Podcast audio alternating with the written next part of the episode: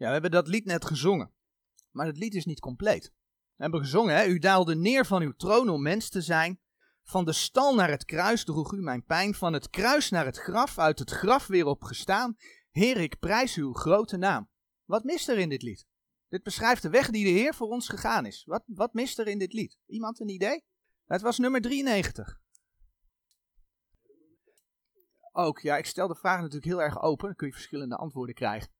Waar, waar ik op doel is, die weg die de Heer gegaan is, van de Heer is nog veel dieper gegaan dan het graf. Hij is uit de hemel gekomen, hij is mens geworden, dat klopt. Hij is gestorven. Hij is begraven, zijn lichaam is begraven in het graf. Maar Jezus Christus is voor ons afgedaald ter helle. En dat is iets wat je tegenwoordig eigenlijk niet mag zeggen. Maar dat staat wel in Gods woord. En vandaag gaan wij het hebben over die hel.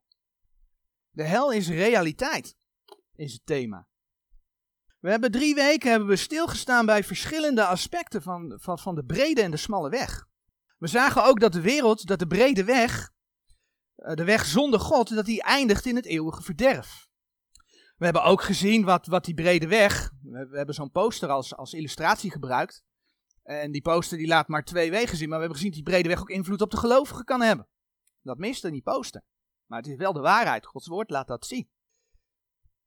En vandaag willen we dus stilstaan bij de hel. Ja, en dat is een niet zo geliefd onderwerp. Als je kijkt naar de nieuwe vertalingen, dan is dat woordje hel veelal weggelaten. Het is wegvertaald. Dat zie je zelfs in hè, de HSV, de herziene statenvertaling, gebeuren. Daar staat op vele plekken het woordje hel niet meer. En dat woordje hel, dat roept ook heel veel weerstand op. Dat roept weerstand op, ook onder gelovigen. En zeker mensen die zeggen te geloven, die, die religieus zijn. Die praten daar liever niet over. Nou, de laatste tijd heb ik via de site daar vragen over gehad. En wat je ziet is dat mensen driftig op zoek zijn in het woord van God, in de Bijbel, om die ene tekst te vinden die de hel weer spreekt.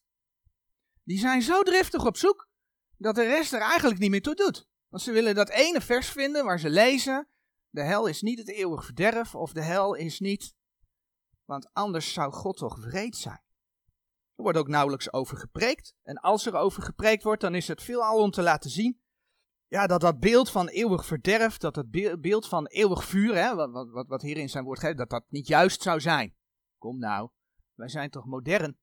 Mensen zijn eigenlijk op zoek, en daar gebruiken ze dan soms de Bijbel ook voor, naar bevestiging van hun eigen gedachten over God zijn op zoek naar bevestiging van hun eigen gedachten. En dat is wat ze dan willen vinden. Hun eigen ideeën willen ze bevestigd vinden. En ja, als jij je eigen ideeën bevestigd wilt, wilt zien, ja, dan doet ook de context er niet meer toe. Dan maakt het niet uit welk vers je aanhaalt. Want, nee, maar dat vers, dat vers, heeft helemaal niks met de hel te maken, maar dat vers, context doet er niet toe. En dan maakt het ook niet uit of je die teksten gaat aanpassen. Want ja, hier staat toch dit en die meneer zegt er dat over. Alleen maar om jouw idee bevestigd te krijgen. Maar de bedoeling is natuurlijk dat je niet Gods woord naar jouw ideeën aanpast. De bedoeling is natuurlijk dat je Gods woord leest en dat je Gods woord jouw ideeën laat vormen. Dat is de bedoeling. Dat je jezelf aan Gods woord aanpast. En dan krijg je dus dat mooie vers, wat 1 Johannes 2 vers 5, wat zegt maar, zo, wie zijn woord bewaart. Hè? We veranderen dat woord niet, we laten het zijn zoals het is. Indien is waarlijk de liefde Gods volmaakt geworden, hieraan kennen wij dat wij in Hem zijn. En ja, dan ga je in die Bijbel lezen. En dan zegt die Bijbel eigenlijk best wel veel over de hel. En daar willen we vandaag bij stilstaan.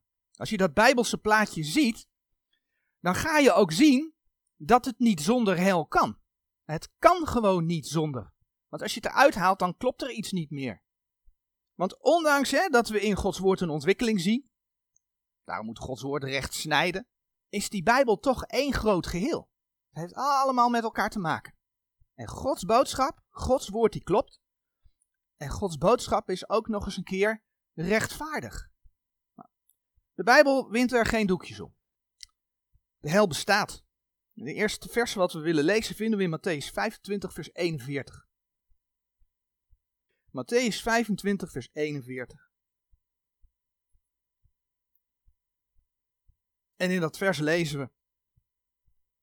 Dan zal hij zeggen ook tot degene die ter linkerhand zijn, gaat weg van mij, gij vervloekten, in het eeuwige vuur, het welk de duivel en zijn engelen bereid is. Nu moet ik direct zeggen dat er nog een verschil is tussen de hel en de poel des vuurs. Daar zal ik straks nog op terugkomen. In elk geval zien we dat de Heer een doel heeft met het vuur van de hel. De Heer heeft het bereid voor de duivel en zijn engelen. En als je dan dit vers in de context gaat bekijken, dan zie je dat dit vers staat in een gedeelte over het oordeel van de volken. Wat is het oordeel van de volken? Dat is het oordeel dat plaats zal vinden. Gemeentetijd, als wij opgenomen worden, komen we op een gegeven moment met de Heer terug. De Heer zal op de aarde komen en dan zullen de volken geoordeeld worden. En in die context wordt dat vers Matthäus 25, vers 41 gezegd. Dat is dus nog niet het oordeel, het laatste oordeel bekend van Openbaring 20. Die versen zullen we straks nog lezen. Dat is pas duizend jaar later. Daar zit het duizendjarig vrederijk tussen. Even om een stukje uh, context te zien. Maar wat lezen we in die versen? Als je, als je Matthäus 25, als je daar de context bij gaat lezen van vers 41, dan lees je dat in die hel niet alleen de duivel en zijn engelen komen. Dat hebben we net in vers 41 ook gelezen. Dan lees je dat er ook mensen in komen. Ondanks dat die voor de duivel en zijn engelen bereid is. Ook mensen komen daarin. En dan spreekt de Heer ook nog over eeuwig vuur. Feit is dat die hel een tijdelijke plaats is. De hel blijft niet. En nee, ik heb het niet over, um, ik kan even niet op het woord komen, de rooms-katholieke variant, het vage vuur. Daar heb ik het niet over. Ik heb het over de hel. De hel is tijdelijk. De hel gaat verdwijnen. De hel gaat namelijk over in de poel des vuurs. Maar mensen die hun, hun afwijzing van Jezus Christus, die daardoor in de hel komen, die zullen bij het laatste oordeel opstaan. En die versen gaan we zo lezen. Maar die worden wel doorverwezen naar de poel des vuurs. Dus dat vuur is eeuwig. Dat is altijd. Zij staan namelijk niet in het boek des levens. Ze hebben Heer Jezus verworpen. Dus bij het laatste oordeel komen ze in de poel des vuurs. Laten we die versen lezen in Openbaring 20. Openbaring 20 vanaf vers 11. En ik zag een grote witte troon. En degene die daarop zat, van wiens aangezicht de aarde en de hemel wegvloot, en geen plaats is voor die gevonden. En ik zag de doden, klein en groot, staande voor God, en de boeken werden geopend. En een ander boek werd geopend dat des levens is. En de doden werden geoordeeld uit hetgeen in de boeken geschreven was, naar hun werken. En de zee gaf de doden die in haar waren, en de dood en de hel gaven de doden die in hen waren, en zij werden geoordeeld een iegelijk naar hun werken. En de dood en de hel werden geworpen in de poel des vuurs. Dit is de tweede dood. En zo iemand niet gevonden werd, geschreven in het boek des levens, die werd geworpen in de poel des vuurs. Zien we dat hier geschreven staan, vers 14. En de dood en de hel werden geworpen in de poel des vuurs. Aan de hel komt dus een eind. Op een gegeven moment finito met die hel. Maar niet met de poel des vuurs. Openbaring 20 vers 10 zegt over de duivel, het beest en de valse profeet het volgende. En de overigen werden gedood. Oh, sorry, dat is niet openbaring 20 vers 10. Openbaring 20 vers 10 zei ik. En de duivel die hen verleidde, werd geworpen in de poel des vuurs en zilvers, alwaar het beest en de valse profeet zijn. En zij zullen gepijnigd worden dag en nacht in alle eeuwigheid. Die toestand van de poel des vuurs zal er in alle eeuwigheid zijn. En als je dan openbaring 14, vers 10 en 11 daarbij zou zoeken, dan zie je dat dat ook voor mensen geldt die in die poel des vuurs terechtkomen. In alle eeuwigheid. Dat is best heftig. Die poel des vuurs zou je dus, als je dat anders wilt omschrijven, de definitieve hel kunnen noemen. Of de uiteindelijke hel. Maar God noemt dat de poel des vuurs. Nou, als wederom geborenen hoeven we niet bang te zijn voor die hel. Als je de Heer Jezus als je persoonlijke verlosser hebt aangenomen, dan ben je behouden. Dat zegt Gods woord. die hele bekende tekst, Johannes 3, vers 16. Want al zo lief heeft God de wereld gehad, dat hij zijn enige geboren zoon gegeven heeft, opdat een iegelijk die in hem gelooft, niet verderven. Als je de Heer Jezus kent, zul je niet verderven. Kom je niet in het eeuwige verderf, maar het eeuwige leven hebben. Als je kind van God bent, is het eeuwige verderf niet voor jou. Dan is het eeuwige leven voor jou. Maar als je de Heer nog niet als je persoonlijke verlosser hebt aangenomen, dan is het zaak om dat zo snel mogelijk te doen. Je weet niet hoe lang je van de Heer krijgt. Nu is de reïncarnatiegedachte onder mensen ook heel populair. En zelfs mensen die zich christen noemen, denken dat ze daardoor meerdere kansen krijgen. Maar de Bijbel laat wat anders zien. Dit leven wat je van God gekregen heeft, hebt, is beslissend voor waar je de eeuwigheid doorbrengt. Als je bijvoorbeeld Hebreeën 9, vers 27 opzoekt. Hebreeën 9, vers 27. Daar lezen we. En gelijk het de mensen gezet is eenmaal te sterven en daarna het oordeel. Dus niet een oneindige herhaling van sterven en weer opstaan en sterven en noem het maar op. Nee, de Heere zegt eenmaal te sterven en daarna het oordeel. Je sterft maar één keer. En dan sta je voor het oordeel. En of dat dan voor de gelovigen de rechterstoel van Christus is. Hè, 2 Korinthe 5 vers 10, 1 Korinthe 3 spreekt erover. De gelovige komt voor de rechterstoel van Christus. Ook voor de gelovigen geldt dat. Als, als de Heer ons nog niet gehaald heeft hè, met de opname van de gemeente. Je komt te sterven, je sterft één keer. Dan kom je voor de rechterstoel van Christus. Maar de wereld komt voor de grote witte troon van het laatste oordeel. Die versen in Openbaring 20 hebben we gelezen. Iets waar je dus als gelovige niet bang voor hoeft te zijn. Gelovige komt niet in de hel, de gelovige komt niet in de poel des vuurs. Maar je moet wel kiezen in dit leven. Nou hebben we gelezen, openbaring 20 vers 10. En zij zullen gepijnigd worden dag en nacht in alle eeuwigheid. Het is gewoon een verschrikkelijke plaats om te zijn. Spreuken 27 vers 20. Spreuken 27 vers 20 zegt daarover. De hel en het verderf worden niet verzadigd. Het wordt niet verzadigd. Het is een plaats van vuur. Matthäus 13, vers 42. Een plaats van wening, hè? een plaats van gehuil. Een plaats van knersing der tanden. En dan zegt Marcus 9, ik heb de tekst op de dia gezet. Marcus 9, vers, tweede deel van vers 47 en vers 48. In het helse vuur geworpen te worden waar hun worm niet sterft en het vuur niet uitgeblust wordt. Zo zijn er allerlei teksten te vinden wat God daarover zegt. En dat is niet mis. Die hel, die bevindt zich nu in het hart van de aarde. Als, als dit de aarde is, die hel bevindt zich in het hart van de aarde. We zoeken Spreuken 15 op. Spreuken 15, vers 24. Eh, de weg des levens is de verstandige naar boven, opdat hij afwijken van de hel beneden. Als je de Heer Jezus kent, dan is jouw blik gericht op Hem. de Heer Jezus is in de hemel, dus je, je blik is gericht op boven. De weg des levens is naar boven, lazen we in spreuken. En als je die weg gevonden is, dan, hebt, dan wijk je af van de hel die beneden is. Want je gaat naar Hem toe. Zo lezen we een vers in uh, een aantal Bijbelboeken terug, het boek Numeri, Numeri 16. nummer 16, vers 30. Dus een gedeelte waar een aantal mannen tegen Mozes opstonden. En dan wordt er tegen hen gezegd, tegen die mannen die tegen Mozes opstonden. Maar indien de Heere wat nieuws zal scheppen en het aardrijk zijn mond zal opendoen. En verslinden hen met alles wat hun is. En zij levend ter helle zullen nedervaren. Als dan zult gij bekennen dat deze mannen de Heere getergd hebben. De hel is dus in de aarde. Dat is wat we lezen. Van de Heer Jezus staat geschreven dat hij met zijn uh, sterven, daar hadden we het net al even over naar aanleiding van dat lied, ter helle is afgedaald. En dat vinden we in Handelingen 2. Handelingen 2 vers 31. Onder andere. Handelingen 2 vers 31.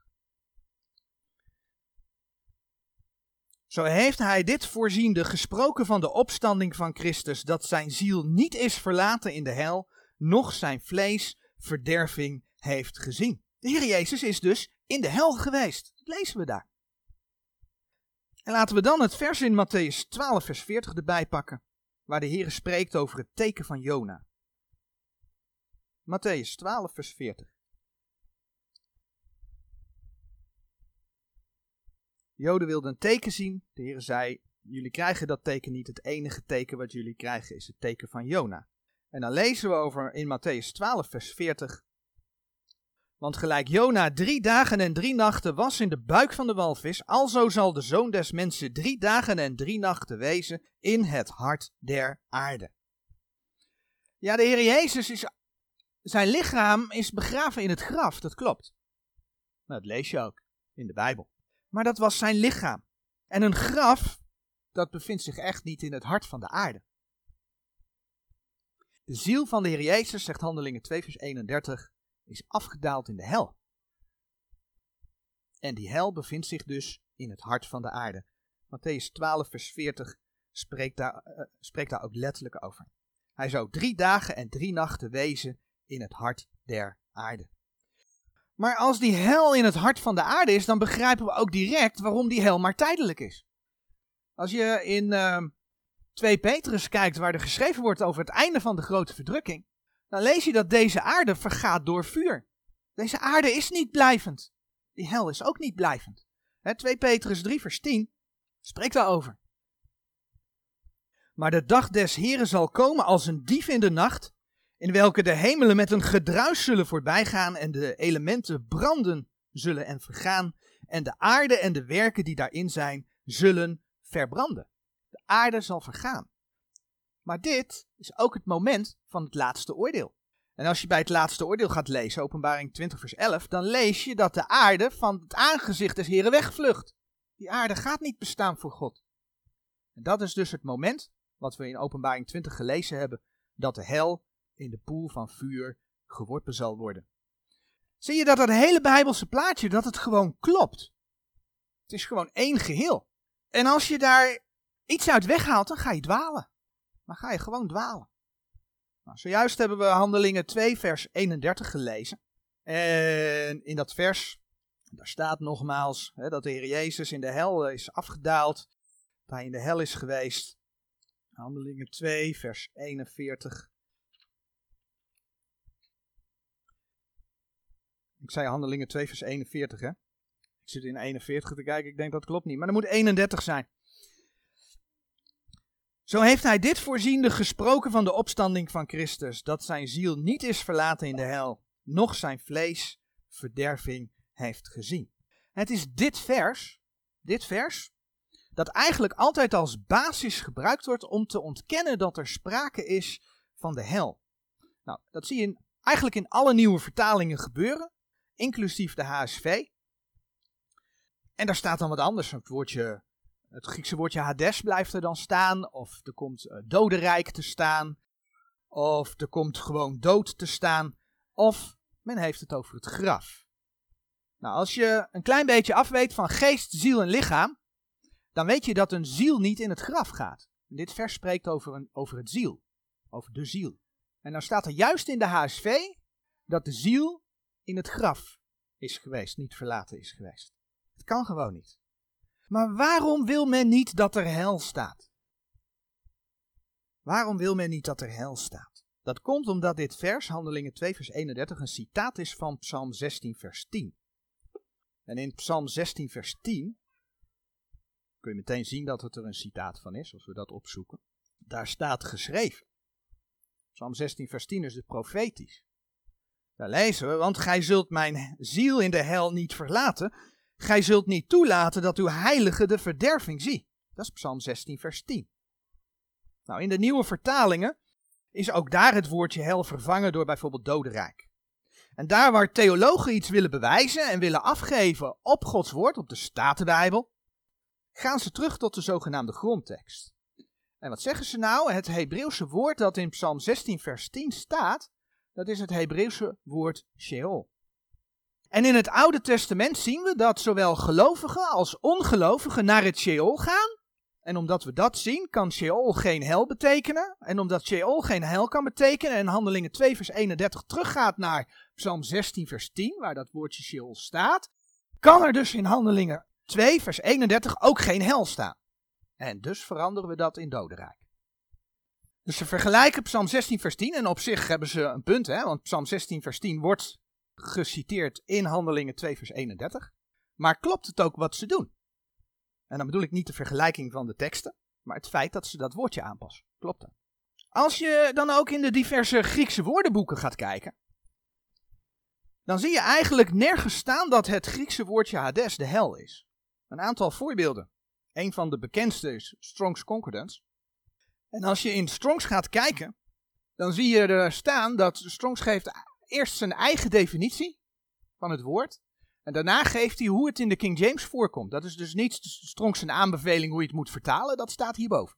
Dan zou je zeggen, kijk, daar staat het woordje hel wel. Maar Strongs aanbeveling, wat, wat, wat Hades is, dat is unseen, oftewel Hades, ongezien, Hades, of de plaatsstatus van de verlaten zielen.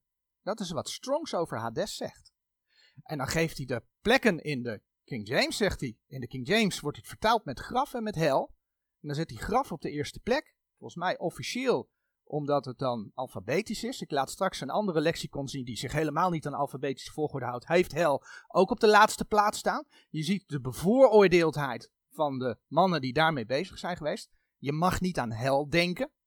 En dan ga je kijken, hè, deze volgorde, maar dan kijk je, nou, meestal is het toch eigenlijk wel met hel vertaald en, en, en één keer slechts met graf. Ja? Hoezo? Bevooroordeeld. Maar Strong geeft ook zelf dus niet aan dat Hades de hel is. Een andere, Little Scott Jones. Dat is het werk dat de basis is geworden voor alle moderne Griekse uh, lexicons en Hebreeuwse lexicons die er zijn. Nou, daar zie je een hele opsomming van wat alle Griekse filosofen van dat woordje vinden. En ja, één keer komt Lucas 16, vers 23 voor, maar in dat hele ding vind je niet dat Hades de hel zou zijn. Even kijken hoor. Hier staat de plaats van de verlaten zielen. Ik kan hier even zo snel niet een, woord vinden waar ze het mee vertalen. De, de onderwereld, de onderwereld. De onderwereld, plaats van de verlaten zielen. Het graf of de dood. En dan nog iets uh, fataal, dodelijk. Maar het woordje hel komt er niet in voor. Dan hebben we er nog eentje. Dat is de teer. Combined Word Definitions van moet je eerlijk zeggen, ik heb het niet opgezocht. Ik weet niet waar BDB voor staat. En TER, maar TER uh, zit daar ook in verwerkt. En die komt ook met definities. Naam Hades of Pluto, de god van de, de lower regions, de, de, de onderregionen. Orcus, de netherworld, hè, de onderwereld. The realm of the dead, uh, het gebied van de doden. En dan komt hij bij drie, voorafgegaan door later use of this word. Het is dus niet origineel. Het is niet het originele woord wat het betekent volgens Thayer. Grave Death of Hell. Nou, je ziet hier geen alfabetische volgorde. Het moet of graf betekenen of dood. Ja, en ja, er zijn mensen die het ook met hel vertalen. Zo komt dat een beetje over, hè? Bij de Griekse mythologie was het Hades dan ook geen hel. Daarom staat het ook niet in al die woordenboeken. Het is de Griekse filosoof Plato die over de hel het volgende gezegd heeft, en ik citeer een klein stukje. Maar de ziel, het deel van ons dat onzichtbaar is, dat naar een andere, nobele en reine, ook onzichtbare plaats gaat. Een waar onzichtbaar Hades, de rest van de tijd doorbrengend met de goden. Zie hier de verklaring waarom de hel in de nieuwe vertalingen zoveel verdwenen is. Want dit zijn zogenaamd theologische naslagwerken. Hè? Dit zit verwerkt in al die programma's waarmee je dus Gods woord naast de zogenaamde grondtekst kunt leggen. Het is gewoon Griekse filosofie wat je op je bordje gepresenteerd krijgt. Dat is dus de reden waarom hel uit de nieuwe vertalingen op zoveel plekken weg is. Maar nou, de vraag, klopt dit? Het klopt dat in het Oude Testament zowel gelovigen als ongelovigen naar het Hebreeuwse Sheol gingen. Dat kun je in diverse teksten vinden, onder andere Numeri 16 vers 30 en 33 en Genesis 42 vers 38. Dat zijn daar voorbeelden van. Het is waar dat in Handelingen 2 vers 31 het Griekse woordje Hades gebruikt wordt. Maar betekent dit dat het bij Hades niet om de hel gaat? Dat is natuurlijk de vraag. En waar vinden we het antwoord? Het antwoord vinden we in Lucas 16. Het antwoord vinden we in Lucas 16, vers 19 tot en met 31. Dat is de geschiedenis van de rijke man en Lazarus. Laten we dat gedeelte lezen. En er was een zeker rijk mens en was gekleed met purper en zeer fijn lijnwaad, levende alle dag vrolijk en prachtig. We hebben met de brede en de smalle weg ook over gehad. Hè? Mensen levende alle dag vrolijk en prachtig. En er was een zeker bedelaar met name Lazarus, welke lag voor zijn poort vol zweren en begeerde verzadigd te worden van de kruimkens die van de tafel des rijken vielen. Maar ook de honden kwamen en lekten zijn zweren. En het geschiedde dat de bedelaar stierf en van de engelen gedragen werd in de schoot van Abraham. En de rijke stierf ook en werd begraven. En als hij in de hel zijn ogen ophief, En als hij in de hel zijn ogen ophief, zijnde in de pijn, zag hij Abraham van verre en Lazarus in zijn schoot. En hij riep en zeide, Vader Abraham, ontferm u mijner en zend Lazarus dat hij het uiterste zijn vingers in het water dopen en verkoelen mijn tong. Want ik leid smarten in deze vlam. Hel en vlam. Maar Abraham zeide, kind, gedenk dat gij uw goed ontvangen hebt in uw leven en Lazarus desgelijks het kwade. En nu wordt hij vertroost en gij lijdt smarten. En boven dit alles, tussen ons en uw lieden is een grote kloof gevestigd, zodat degenen die van hier tot u willen overgaan niet zouden kunnen, nog ook die daar zijn, vandaar tot ons overkomen. En hij zeide, ik bid u dan, vader, dat gij hen zendt tot mijn vaders huis, want ik heb vijf broeders, dat hij hun dit betuigen, opdat ook zij niet komen in deze plaats der pijniging. Abraham zeide tot hem, zij hebben Mozes en de profeten, dat zij die horen. En hij zeide, nee vader Abraham, maar zo iemand van de doden tot hen heen ging, zij zouden zich bekeren. Doch Abraham zeide tot hem, indien zij Mozes en de profeten niet horen, zo zullen zij ook, al ware het dat er iemand uit de doden opstond, zich niet laten gezeggen. Nou, dat laatste stuk is een preek op zich, daar gaan we het nu niet over hebben. Maar de Heer zegt dus dat als iemand, als iemand terugkomt en ze hebben zich niet aan het woord gehouden, dan laten ze zich ook niks vertellen door mensen die eventueel zouden terugkomen. Dan moet je bedenken aan al die bewegingen die vandaag de dag bezig zijn met, met dat soort ervaringen. Het zegt niks. Als je Gods woord niet, waarneemt, eh, niet, niet aanneemt, dan heb je geen basis om op te staan. Maar dat terzijde. Als we gewoon naar de tekst kijken, dan vinden we bevestigd dat de hel geen fijne plaats is om te zijn. Vers 23 hebben we gelezen eh, dat de rijke in de hel zijn ogen ophief, zijnde in de pijn, en zag hij Abraham van verre en Lazarus in zijn schoot. Hij was in de pijn en in vers 24 stond en hij riep en zeide, Vader Abraham ontferm u mijner en zend Lazarus dat hij het uiterste zijn vingers in het water dopen en verkoelen mijn tong, want ik leid smarten in deze vlam. Er is vuur in de hel. En in die hel bevinden zich mensen. Dat, dat is wat Gods woord laat zien. Maar nu komt het. Wat is het Griekse woordje dat hier staat? Het Griekse woordje dat hier staat is Hades. Hades is dus de plek waar een vlam is en waar mensen in de pijniging zijn. Dat is toch de hel? Maar dat vind je nergens in de woordenboeken. Dus wat de Heer in zijn woord laat zien door schrift met schrift te vergelijken, eigenlijk gewoon binnen het vers, is dat Hades wel de hel is. Zie je hoe dat bewaard is gebleven in die oude Statenbijbel? Want daar staat het gewoon. En je hebt een heel uh, kanon aan theologen nodig om dat dan onderuit te kachelen. Maar in de Statenbijbel staat het. Je kunt gewoon schrift met schrift vergelijken, kun je het lezen. Zie je ook hoe mensen die zogenaamde grondtekst raadplegen en Griekse woordenboeken gebruiken, want dat zit ook in al die computerprogramma's verwerkt, hoe die misleid worden door de definities die ze gepresenteerd krijgen. Je wordt misleid als je de grondtekst raadpleegt, de zogenaamde grondtekst, hè, want vaak is het ook nog eens een keer de valse grondtekst. Maar al zou je de Statenbijbel met de goede grondtekst gebruiken, dan ga je nog via de codes die er, die er zijn, zodat je in die woordenboeken komt, ga je alsnog naar de verkeerde definitie toe. Je wordt misleid. Het is de Griekse mythologie die de hel ontkent, en het zijn de theologen die daar slaafs achteraan lopen. En dat is wat er gaande is. Dit voorbeeld hebben we eerder gezien toen we spraken over geest en ziel. Ook als je die opzoekt, zie je in de woordenboeken verkeerde definities staan verkeerde definities. Hele andere definities dan als je de definities van Gods woord gaat opzoeken. Als je dus de Statenbijbel gebruikt en heden ten dagen Grieks of Hebreeuws raadpleegt, is de kans groot, ik heb het eigenlijk net al gezegd, dat je misleid wordt. Omdat de samenstellers van die werken meer met de Griekse mythologie bezig waren, dan dat ze met Gods woord bezig waren en schrift met schrift vergeleken. En daarom verwijst de bijbelgelovige prediking nagenoeg niet naar het Grieks of Hebreeuws. Een bijbelgelovige gelooft namelijk God op zijn woord. Gelooft dat de Heere God, zoals hij in Psalm 12, vers 7 en 8 gezegd heeft, ik heb de tekst op de dia staan, dat hij zijn woord zou bewaren. En als God iets belooft, dan doet hij dat. Ook met die belofte dat hij zijn woord zou bewaren. En die bewaring gaat door tot in de kopieën van de schriften, dat hebben we gezien aan de hand van 2 Timotheus 3, vers 15. En voor Nederland komen we dan uit bij de Statenbijbel. En door schrift met schrift te vergelijken in die Statenbijbel, door het woord in die Statenbijbel recht te snijden, kun je Gods woorden, kun je Gods plan leren kennen. Vrij van die Griekse filosofie die iedereen daarin probeert te verweven in de nieuwe vertalingen.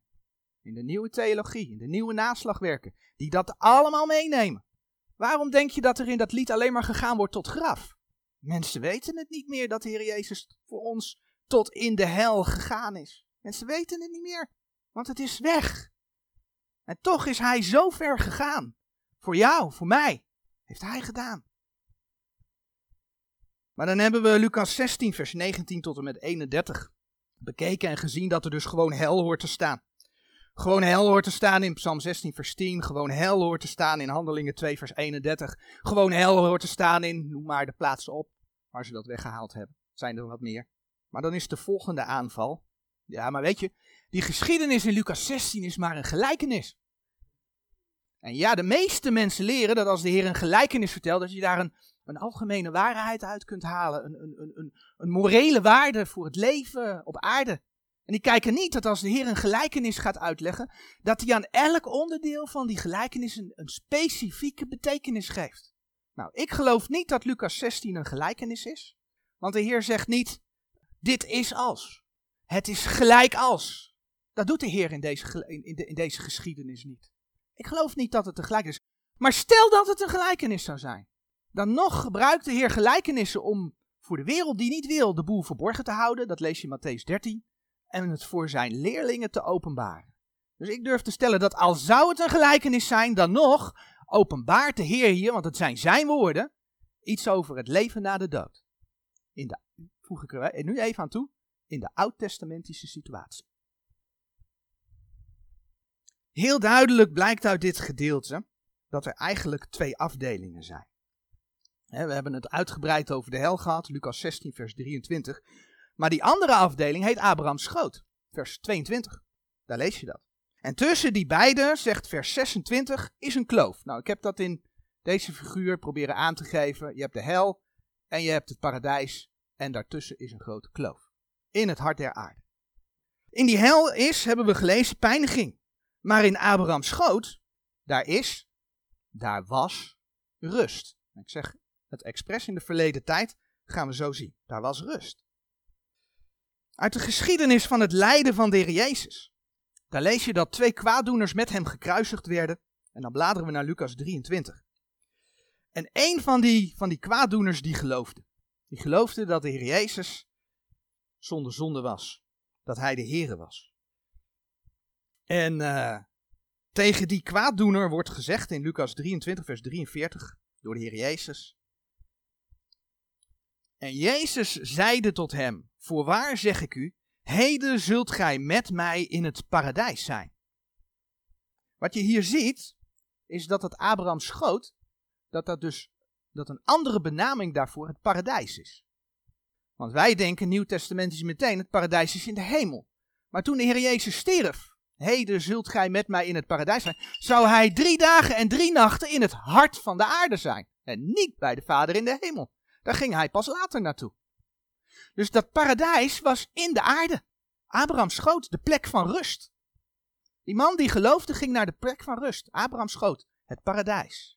Dat is een belangrijk om even te zien. De Heer Jezus die kondigde hier dus aan dat hij niet alleen naar de hel ging, wat in Handelingen 2 vers 31 beschreven, maar dat hij ook naar het paradijs zou gaan. Hij zou naar beide gaan. Hij is in beide geweest. Dat is wat de schrift laat zien.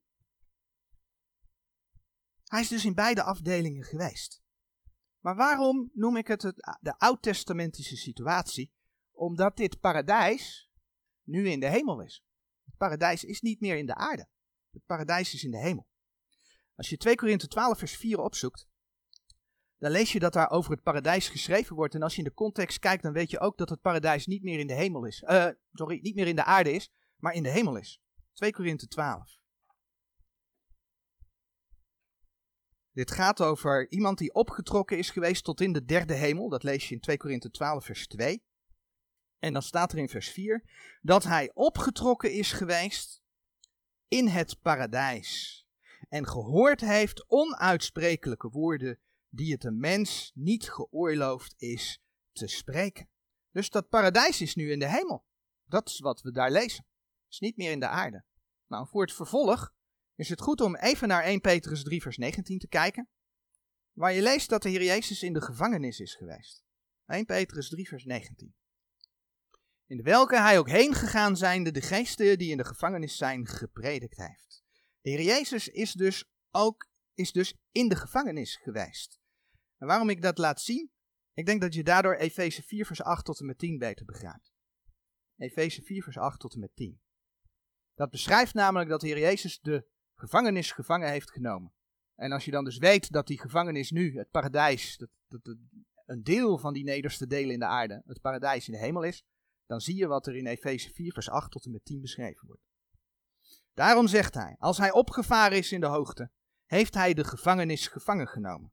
En heeft de mensen gaven gegeven. Nu dit, hij is opgevaren, wat is het dan dat hij ook eerst is nedergedaald in de nederste delen der aarde. Die nedergedaald is, is dezelfde ook die opgevaren is ver boven al de hemelen, opdat hij alle dingen vervullen zou. Zien we dat dit vers spreekt over meerdere delen? En dat dit vers ook spreekt over nederste delen, net als in het hart der aarde. Zie je dat het allemaal klopt met elkaar? Maar hier lezen we dus dat de Heer Jezus de gevangenis genomen heeft. En als we dan 2 Korinthe 12 vers 2 vers 4 daarbij nemen, dan zien we dat de Heer Jezus, toen hij naar de Vader ging, dat paradijs heeft meegenomen. Dat is nu in de hemel. Alleen de hel bevindt zich nog steeds, want daar is dat niet van geschreven, bevindt zich nog steeds in het hart van de aarde. Daarom is er dus een verschil. Dit plaatje zoals het getekend is, is de oud-testamentische situatie. Deze is ja, leeg, zeg maar. Is leeg. De Heer heeft het meegenomen naar de hemel. En die hel is er nog. En die hel die wacht op het moment, wat openbaring beschrijft, dat de mensen daaruit zullen opstaan voor de grote witte troon, verwezen worden naar de poel des vuurs. En die hel die wordt dan in de poel des vuurs geworpen. Is openbaring 20, waar dat geschreven staat. Maar waarom ging Jezus Christus naar de hel? Waarom ging hij naar de hel? Jezus Christus was zelf wel zonder zonde. Hij was zonder zonde. Maar wat heeft God gedaan? 2 Korinthe 5 vers 21. Hij heeft hem voor ons tot zonde gemaakt. Heel bekend vers, vaker over gehad, maar is, voor dit is het belangrijk. Dus we lezen hem. 2 Korinthe 5 vers 21. Want dien die geen zonde gekend heeft, Jezus Christus, heeft hij zonde voor ons gemaakt. Opdat wij zouden worden rechtvaardigheid Gods in hem. Jezus Christus, zegt gelaten 3 vers 13, is voor ons tot een vloek geworden. Aan het kruis. Hij droeg onze zonde, zegt 1 Petrus 2 vers 24, in zijn lichaam. En dan zegt Hebreeën 9 vers 28. Hij heeft onze zonde dus op zich genomen. En dan zegt Hebreeën 9 vers 28. Alzo ook Christus eenmaal geofferd zijnde om vele zonden weg te nemen, zal ten andere malen zonder zonde gezien worden van degene die hem verwachten tot zaligheid. Hij zal dus gezien worden, hè? hij heeft onze zonde weggedragen, op zich genomen, in zijn lichaam staat er geschreven, maar hij zal zonder zonde, hij heeft dus zonder zonde gezien worden. Hij heeft dus iets met onze zonde gedaan. Hij heeft onze zonde afgelegd. Heeft hij dat aan de voeten van de Vader in de hemel gedaan? Nou nee, want in de hemel kan geen zonde komen. De Bijbel is duidelijk. Openbaring 21, vers 27. De Heer Jezus heeft onze zonde gebracht naar de plaats waar ze horen. En dat is in het vuur van de hel. Daar horen de zonden. Denk alleen al aan de zondoffers van het Oude Testament. Na handoplegging werden die deels verbrand op het altaar of buiten de tent. Maar ze werden verbrand. Dat deel wat de priesters niet mochten eten werd verbrand. Zie je dat die hel kun je trouwens vinden onder andere in Le Leviticus 4. Zie je dat die hel bij het hele plaatje hoort. Het hoort erbij. Gods boodschap is compleet. Dat deze boodschap eraan bij mag dragen, te zien dat die hel wel degelijk realiteit is. Maar ook om te zien dat de Heere God echt wel voor zijn woord gezorgd heeft en dat hij zijn woord voor ons bewaard heeft. En dat we niet ons heil, niet hel, maar heil moeten zoeken in woordstudies en zogenaamde grondtekst. Maar schrift met schrift vergelijken. Om te zien dat het dus wel degelijk nodig is, dat lied wat we voor die tijd zongen, maaien, om uit te gaan en mensen proberen te bereiken met de boodschap van Gods woord. En nee, want dat is wat God wordt verweten, dat hij dan verreten is. God is niet hardvochtig. Absoluut niet. Het zijn de mensen die hem de rug hebben toegekeerd. En 2 Petrus 3 vers 9 spreekt erover dat God nog steeds geduld heeft. Hij wacht nog steeds met ingrijpen. Waarom? Omdat hij niet wil dat mensen verloren gaan. Hij wil niet dat mensen in die hel komen. Dat wil hij niet. God is niet hardvochtig. God wil dat mensen zich bekeren. Maar als mensen hem verwerpen, dan is hij ook rechtvaardig. En laten we wel zijn, als de hel er niet was, als mensen automatisch behouden werden, waarom zou Jezus Christus dan voor ons gestorven zijn? Waarom zouden wij dan redding nodig hebben? Als je zijn zoon verwerpt, dan verwerp je het eeuwige leven. Johannes 3, vers 36 zegt: Die in de zoon gelooft, die heeft het eeuwige leven. Maar die de zoon ongehoorzaam is, die zal het leven niet zien, maar de toren Gods blijft op hem. Dus mocht er iemand luisteren die de Heer Jezus nog niet heeft aangenomen, doe dat dan nu. Amen.